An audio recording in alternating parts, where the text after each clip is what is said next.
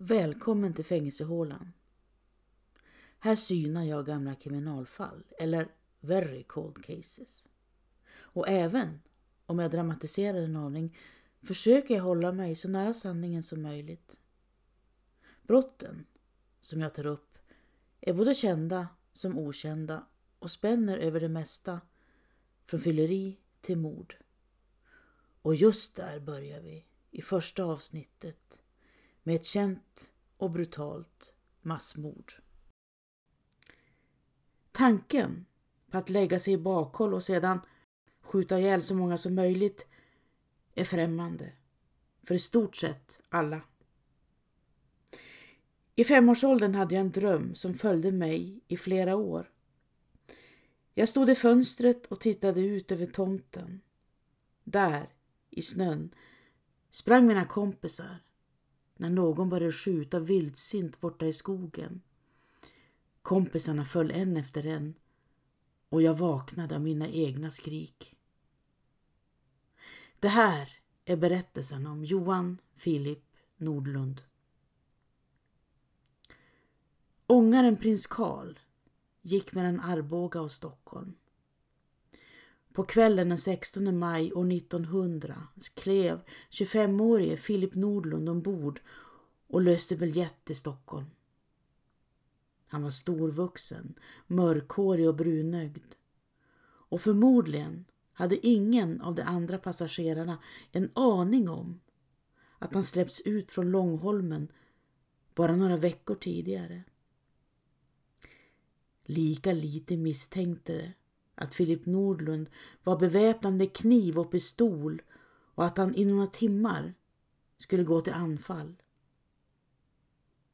Ett dygn senare hade han förvandlats till Svarte Filip och Mälarmördaren Nordlund med hela Sverige. Men vägen dit hade varit lång. Johan Filip föddes i Säter i Dalarna den 22 mars 1875. Hans far, Carl Johan Nordlund, var 23 år och bodde i Nordåker hos sina föräldrar. 1879 flyttade Carl Johan Nordlund till Falun men det var en liten händelse i jämförelse med övriga beslut som han fattade samma år, nämligen att gå ur Svenska kyrkan och bli baptist.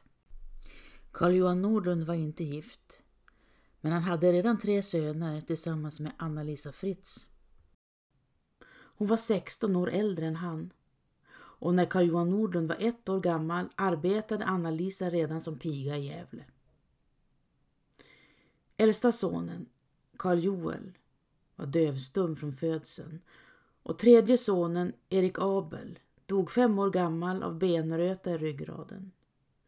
Yngste sonen, Rickard, föddes samma år som föräldrarna gifte sig, 1881. Karl Johan Nordlund arbetade som stenhuggare i gruvan. Hemmet beskrevs som kärleksfullt och idylliskt och Filip uttryckte långt senare. Jag kan icke nog förvåna mig över hur jag blev så vänligt omhuldad av min fader och min moder trots allt ont som jag gjorde dem. Filip började skolan i Falun. Men han var rastlös och fick stryk av läraren flera gånger. Mor Anna-Lisa bekräftade att Filip var en rastlös och orolig själ. I tioårsåldern lärde han känna en pojke som var utackorderad av fattigvården och bodde hemma hos skolläraren. Pojkarna blev snabbt goda vänner och beslutade sig för att rymma tillsammans. Och innan de gav sig av stal Filip 10 kronor av sina föräldrar och kamraten tog 20 kronor av skolläraren. Först gick det mot Sala. Pojkarna slog an på sin litenhet och ynkedom och det visade sig vara en lyckad strategi. Människor tyckte synd om dem, bjöd in dem på mat och lät dem stanna över natten. Under tiden stal Filip och kamraten allt de kom över och sålde vidare vad de förmådde. Men livet på luffen var påfrestande och efter en tid återvände de till Falun igen. Filip var tillbaka i skolan. Men två år senare tog rastlösheten över handen och han drog ut på vägarna för andra gången i sitt liv. Nu var han ensam. Fadern försökte stoppa honom, men utan att lyckas. Filip hävdade att han hade slutbetyg från folkskolan. Det har ifrågasatts, men jag har sett betygen.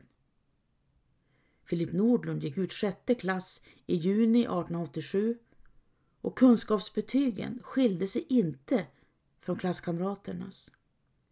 Endast på en punkt stack han ut.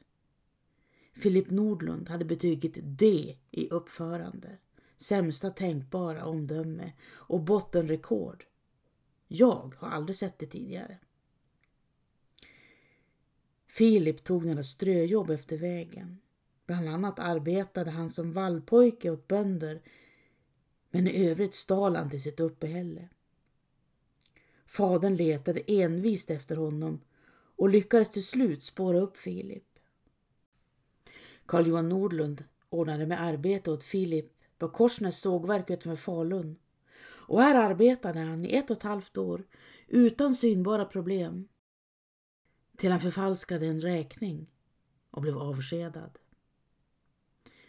Filip stack ut på luffen igen.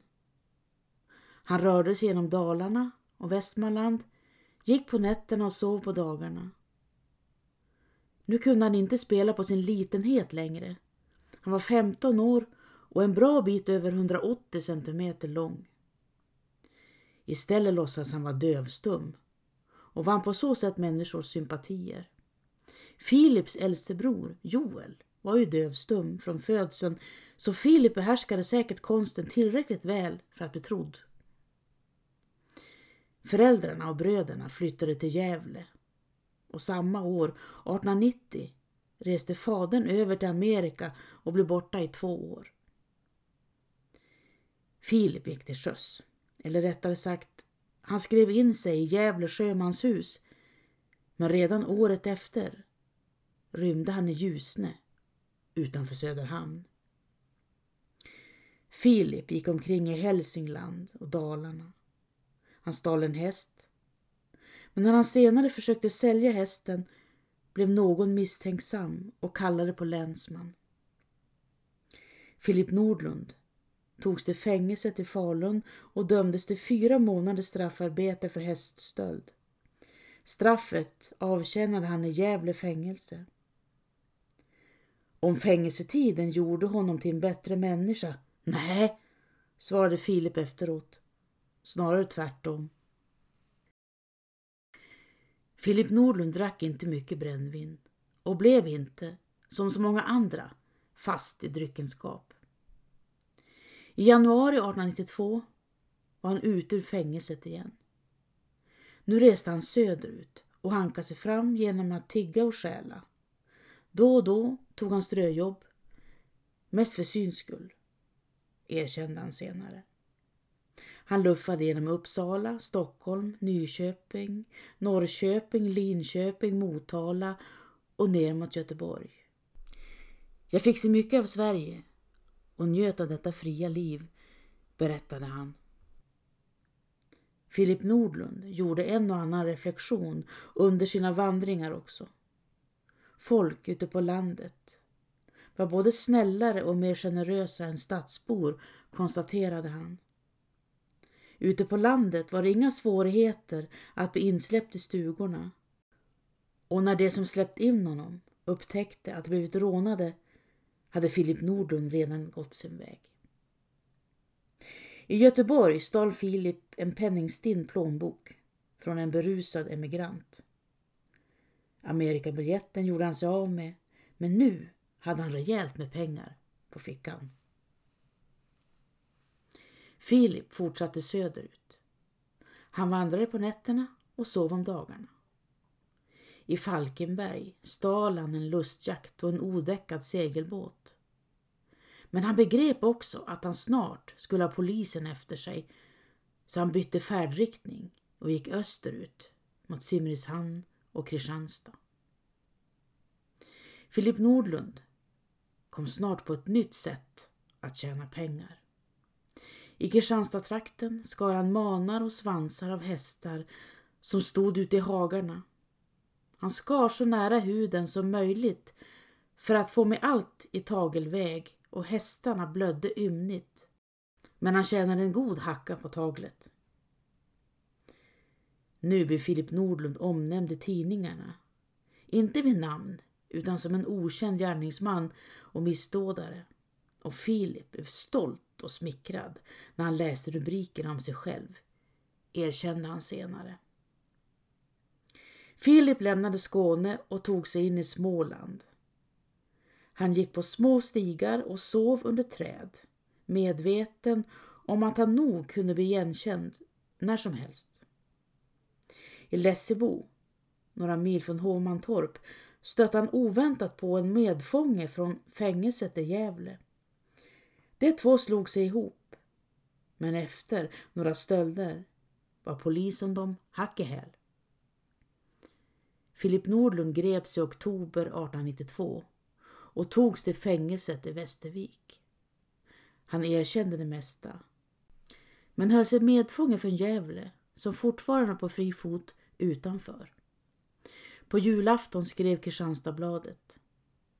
Den som skar svansarna av hästarna i Rinkaby har äntligen blivit fast.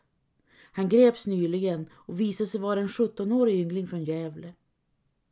Sedan i mars 1892 hade Filip Nordlund gjort sig skyldig till en lång lista av brott enligt Kristianstadsbladet. I Malmö hade han stulit kläder ur en lustigkutter. I Kristianstad hade han stulit en börs med 10 kronor. I Värnamo hade han stulit en dragkärra, en bagge och 25 alnar linneväv. I Mönsterås hade han stulit mer linneväv och i Älghult en klocka från en torpare. Filip Nordlund satt redan fängslad och nu avlöste rättegångarna varandra. Han, som sett så mycket av Sverige under sina vandringar, mer än flertalet någonsin skulle göra, fick också se Sveriges fängelser från insidan, betydligt fler än de flesta någonsin gjorde.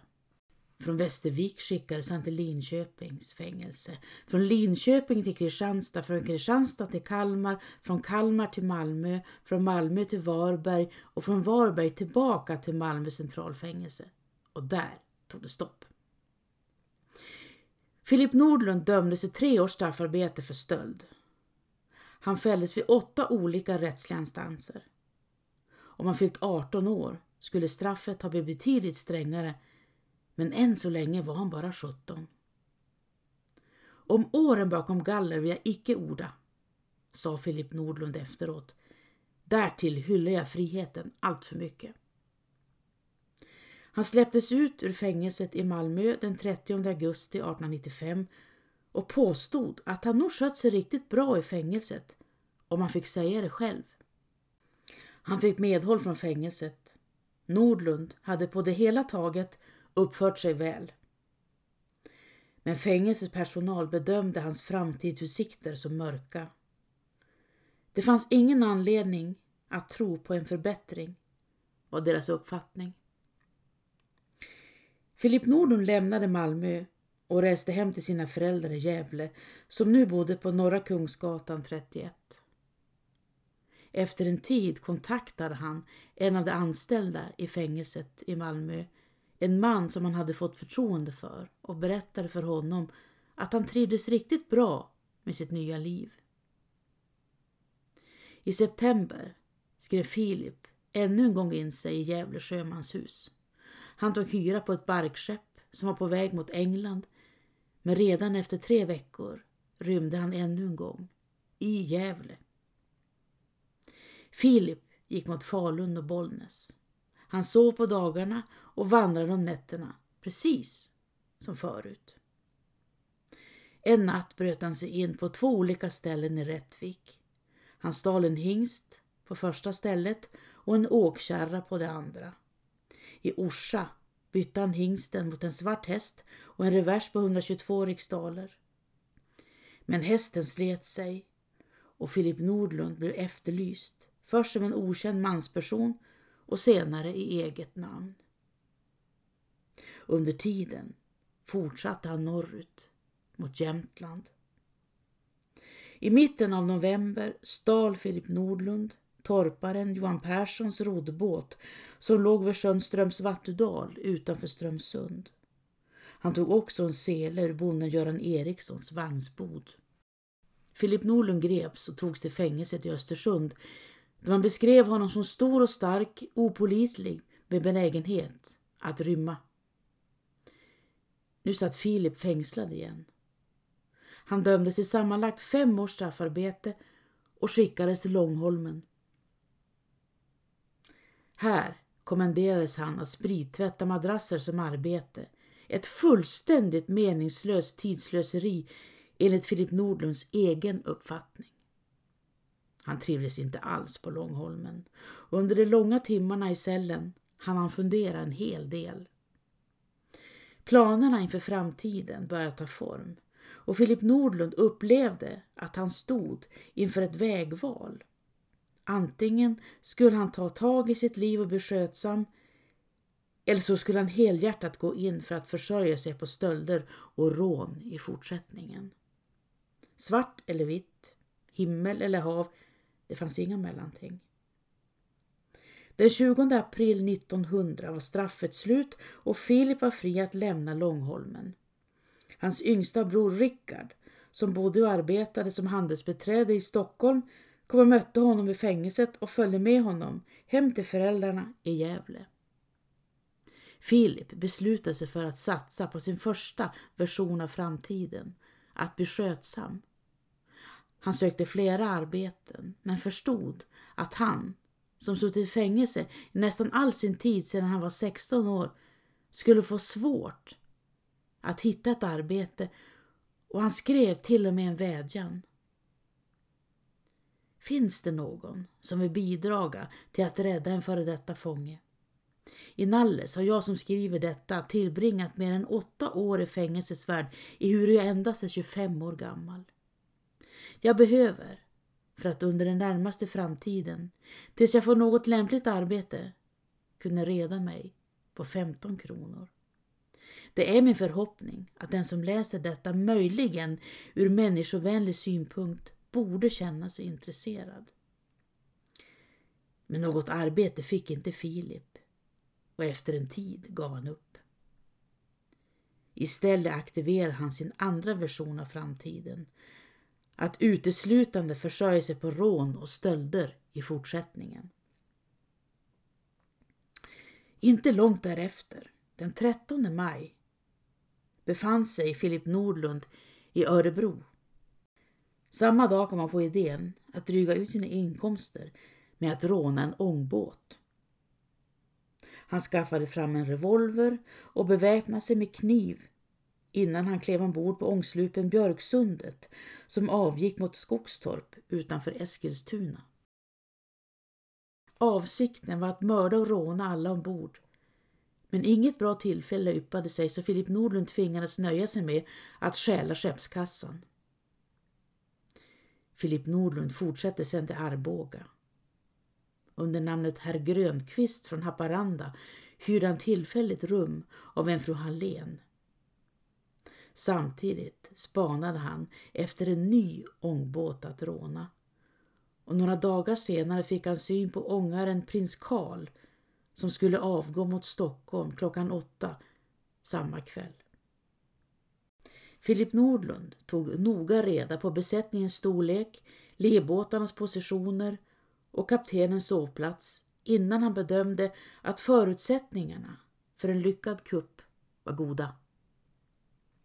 Han löste biljett och klev ombord strax före avgång och sällade sig till de andra passagerarna. Ångaren Prins Karl var knappt 6 meter bred och 31,5 meter lång. Vid halv tolv-tiden på natten tuffade prins Karl ut i Granfjärden och låg i höjd med Torshälla huvud.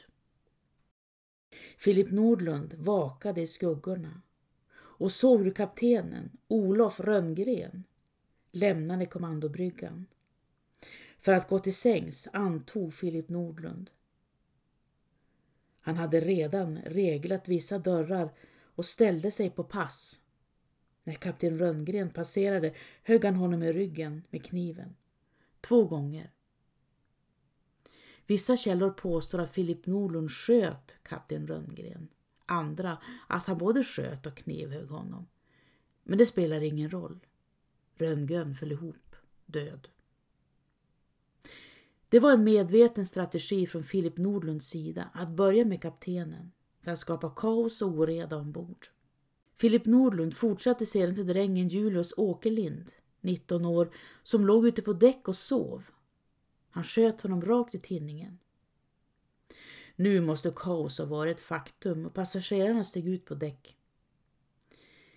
Filip Nordlund attackerade fru Lovisa Karlsson från Östhammar och knivhögg henne inför hennes två söner Gottfrid 19 år och Oskar 13 år så kraftigt att knivbladet fastnade i hennes kropp.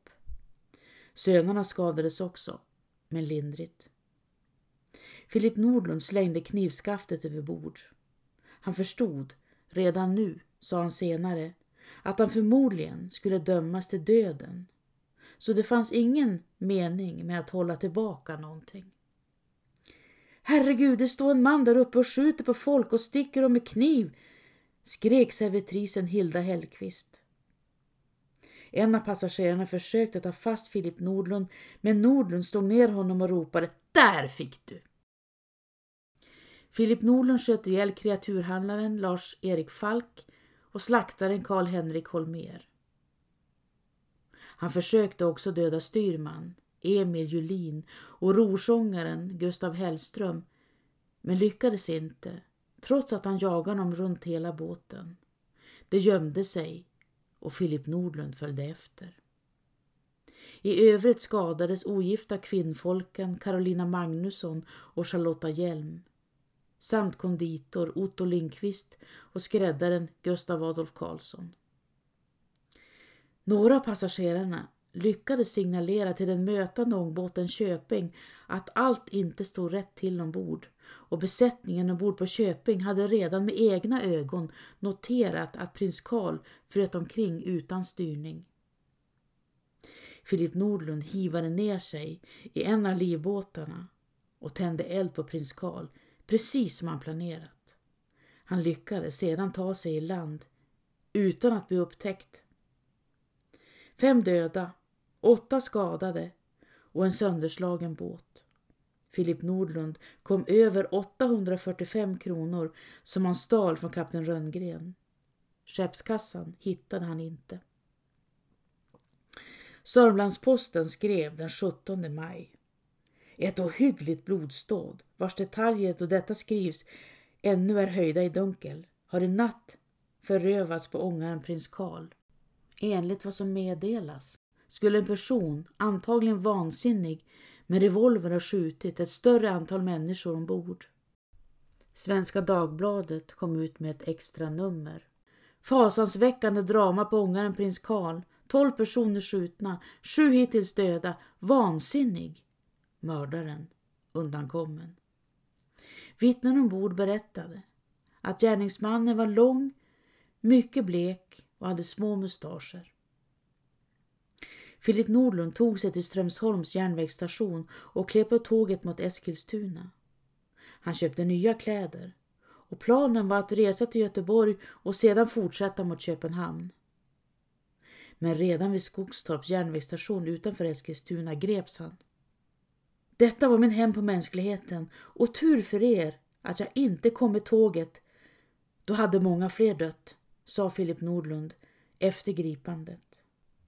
Dagen därpå, från fängelset i Eskilstuna, skrev han ett brev hem till sin familj i Gävle. Ömt älskade föräldrar och bröder. Ni måste försöka resignera eder när ni läser detta brev. Det är sorgligt. Men det är dock skönt hopp att delgiva eder. När ni får detta brev vet ni nog redan hur det är ställt med mig och jag känner ett starkt behov att få lätta mitt hjärta för någon som verkligen älskar mig och som har ett moders och fadershjärta för mig. Därför har jag skrivit till eder redan nu. Ni vet vad jag gjort. Nu är det skett och nu är jag för alltid skild från det fria livet. Inom fyra eller fem månader, mina älskade, så är jag ett huvud kortare. Ty att jag endast blir dömd till döden är något som ställs utom allt tvivel. En sak är dock viss. Att om jag blir bjuden nåd vill jag icke hava den. På inga villkor och sitta i 30 år på Långholmen då tager jag hellre tusen dödar. Ser ni? Jag tager min sak ytterst lugnt. Ingen enda tår jag fällt. Ingen enda bön om något medlidande. Utan det som är svårast för mig att bära är de månader jag måste vara på ransakning. Men i anseende till att det är det sista i mitt liv tror jag nog att jag även ska kunna fördraga dem. Emellertid, mina älskade föräldrar, lyd nu mitt råd. Glädjen eder mer än sörj. Snart, snart är det slut och tänk hur skönt att få vila ut från livets vedermödor. Jag är frisk och mår bra, är lugn och till och med glad, så glad som jag kan vara. Jag tycker nog att det är lite synd om de stackars människor som alldeles oförberedda ingår i den eviga världen. Men det kan ju inte jag hjälpa. Hälsa Joel och Rickard mycket kärleksfullt från mig. Jag önskar dem all möjlig välgång i livet. Några dagar senare flyttades Filip Nordlund till fängelset i Västerås. Under rättegången visade han föga ånger utan uttryckte snarare en slags besvikelse över att han inte lyckats döda fler, enligt ögonvittnen. I verkligheten var Filip Nordlund inte alls lika tillfreds som han påstod till sina föräldrar utan han gjorde till och med ett misslyckat flyktförsök ur fängelset och högg två vakter med en slipad hasp. Häradsrätten och sedan hovrätten dömde Filip Nordlund till döden precis som han själv trott. För rån, för fem mord, åtta mordförsök och mordförsök på fängelsevakterna Pettersson och Karlsson, de som han huggit med haspen. Sista brevet hem till familjen skrev Filip Nordlund i fängelset den 5 december. Kära föräldrar och bröder. Jag sänder er mina hjärtligaste hälsningar och min sista välgångsönskan. Fem dagar senare, den 10 december, stod skarprättaren Anders Gustav Dahlman från Stockholm beredd med handbilen ute på fängelsets gård i Västerås. Det snöade kraftigt och Aftonbladet rapporterade. Mångmördaren Nordlund avrättades strax efter klockan åtta i morse. Han åtföljdes av fängelsedirektören på ena sidan och fängelsepredikanten på den andra. Han bad så en bön och sjöng en sång, vilket han ännu fortsatte med när han nedlade huvudet på stupstocken. Ett enda hugg av bilan skilde huvudet från kroppen. Liket överlämnades till den närvarande medicinska auktoriteten för undersökningar. Efter Filip Nordlunds avrättning flammade en livlig debatt upp om brottslighet är ärftligt eller inte. Filip Nordlund hade aldrig haft annat än gott att säga om sina föräldrar och han kallade sin mor för en bra kvinna. Dessutom kom inte Filip Nordlund ur en känd förbrytarsläkt som så många andra kriminella. Debatten handlade också om själva dödsstraffet. Förespråkarna för dödsstraff tog Filip Nordlund som ett exempel på varför dödsstraffet behövdes. Dödsstraffmotståndaren Carl Lindhagen, som senare blev borgmästare i Stockholm, hävdade istället att en upplyst allmänhet inte får släppa på sina ideal bara för att undantagsfall som Nordlund inträffar. Dödsstraffet användes dessutom godtyckligt, hävdade motståndarna. År 1900 dömdes fyra människor till döden och tre av dem avrättades. År 1900 var ett svettigt år för böden Anders Gustav Dahlman. 21-årige Theodor Sallroth från Blekinge rånmördade en arbetskamrat när han saknade pengar efter att ha levt på för stor fot under en tid. Mordet var brutalt och långdraget och Theodor Sallroth avrättades i Karlskrona den 9 juli. 49-årige arbetskaren Lars Nilsson i Löderup i Skåne bröt sig in i en handelsbod 100 meter från sitt hem.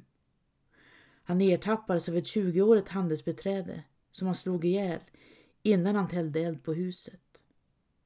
Lars Nilsson avrättades i Malmö den 28 augusti. Sedan var det Filip Nordlund i december. Den fjärde dödsdömde år 1900 var 40-åriga änkan Sara Lund från Ljusdal. Hon hade giftmördat sin svärmor tio år tidigare och nu hade hon även dödat sin make. Sara Lund dömdes först till döden men benådades sedan till 25 års straffarbete. Så varför benådades Lund och inte Sallroth, Nilsson eller Nordlund? Den frågan var synnerligen svår att svara på.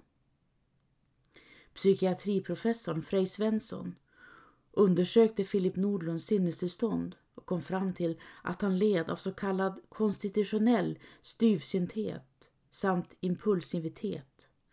Någon form av ADHD kan man säga. Samt grymhetsnjutning. Det blev också ett argument för dödsstraffmotståndarna. Var det rätt att avrätta en sinnessjuk människa när brottet egentligen var en konsekvens av samhällets oförmåga att fånga upp individer med problem? Filip Norlunds mor Anna-Lisa avled 1905 och fyra år senare flyttade hans far till Tensta. Bröderna bytte efternamn båda två och den ene lämnade Sverige. Filip Nordlund är ett tydligt exempel på människans mångbottnade karaktär. Inom en människa ryms allt från kärlek och omtanke till ondskefullt hat. Kaos är granne med Gud. Å ena sidan skrev Filip Nordlund kärleksfulla brev hem till sin familj. Och den andra skar han svansar och manar av hästar så nära skinnet som möjligt när han kunde ha skurit av taglet utan att skada skinnet. Istället gjorde han djupa sår som måste ha varit livshotande för hästarna. Filip Nordlund visade ingen ånger efter morden ombord på prins Karl. Men han skrev i brevet hem till sin familj från fängelset i Eskilstuna att han kände medlidande med det som snabbt rycktes bort från livet utan att försonas med Gud först.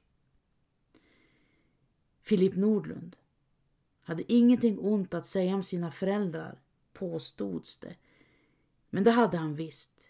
I Malmö fängelse hävdade han att det var föräldrarnas stränghet som fått honom att rymma hemifrån när han var tio år gammal. Hemma igen var föräldrarna snälla en tid innan hårdheterna började om på nytt. Ur Filips perspektiv vill säga. Verkligheten kan ha varit annorlunda. Vad som händer bakom hemmets stängda dörrar är omöjligt att uttala sig om.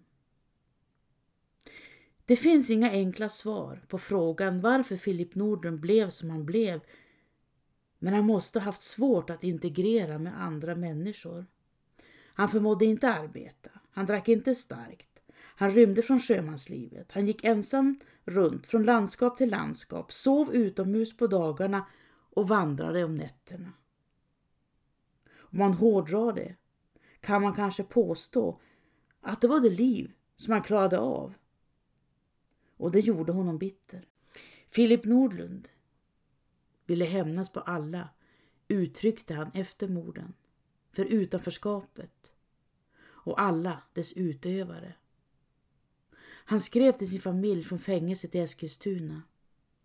Många är det som för bödens yxa fått låta sina liv. Många goda och ädla människor, sköna kvinnor, ja till och med många drottningar och kungar har fått sluta sina liv så. Filip romantiserade om dödsstraffet. och jämställde sig med kända personer. Kanske för att förlika sig med det. Och han påstod att han var fullständigt nöjd, lugn och tillfreds. Så var det givetvis inte. När det väl var dags ute på fängelsets gård den 10 december försökte han förlänga livet i så många minuter som möjligt. Han slöt ögonen och vände upp ansiktet mot himlen och kommenterade snöfallet. Han bad en bön och en bön till och gjorde så långsamma rörelser att han blev tillsagd att raska på. Ytterligare en bön, ruska på kroppen, lägga sig till rätta och slutligen en sång. Sedan var livet över. Mitt i sången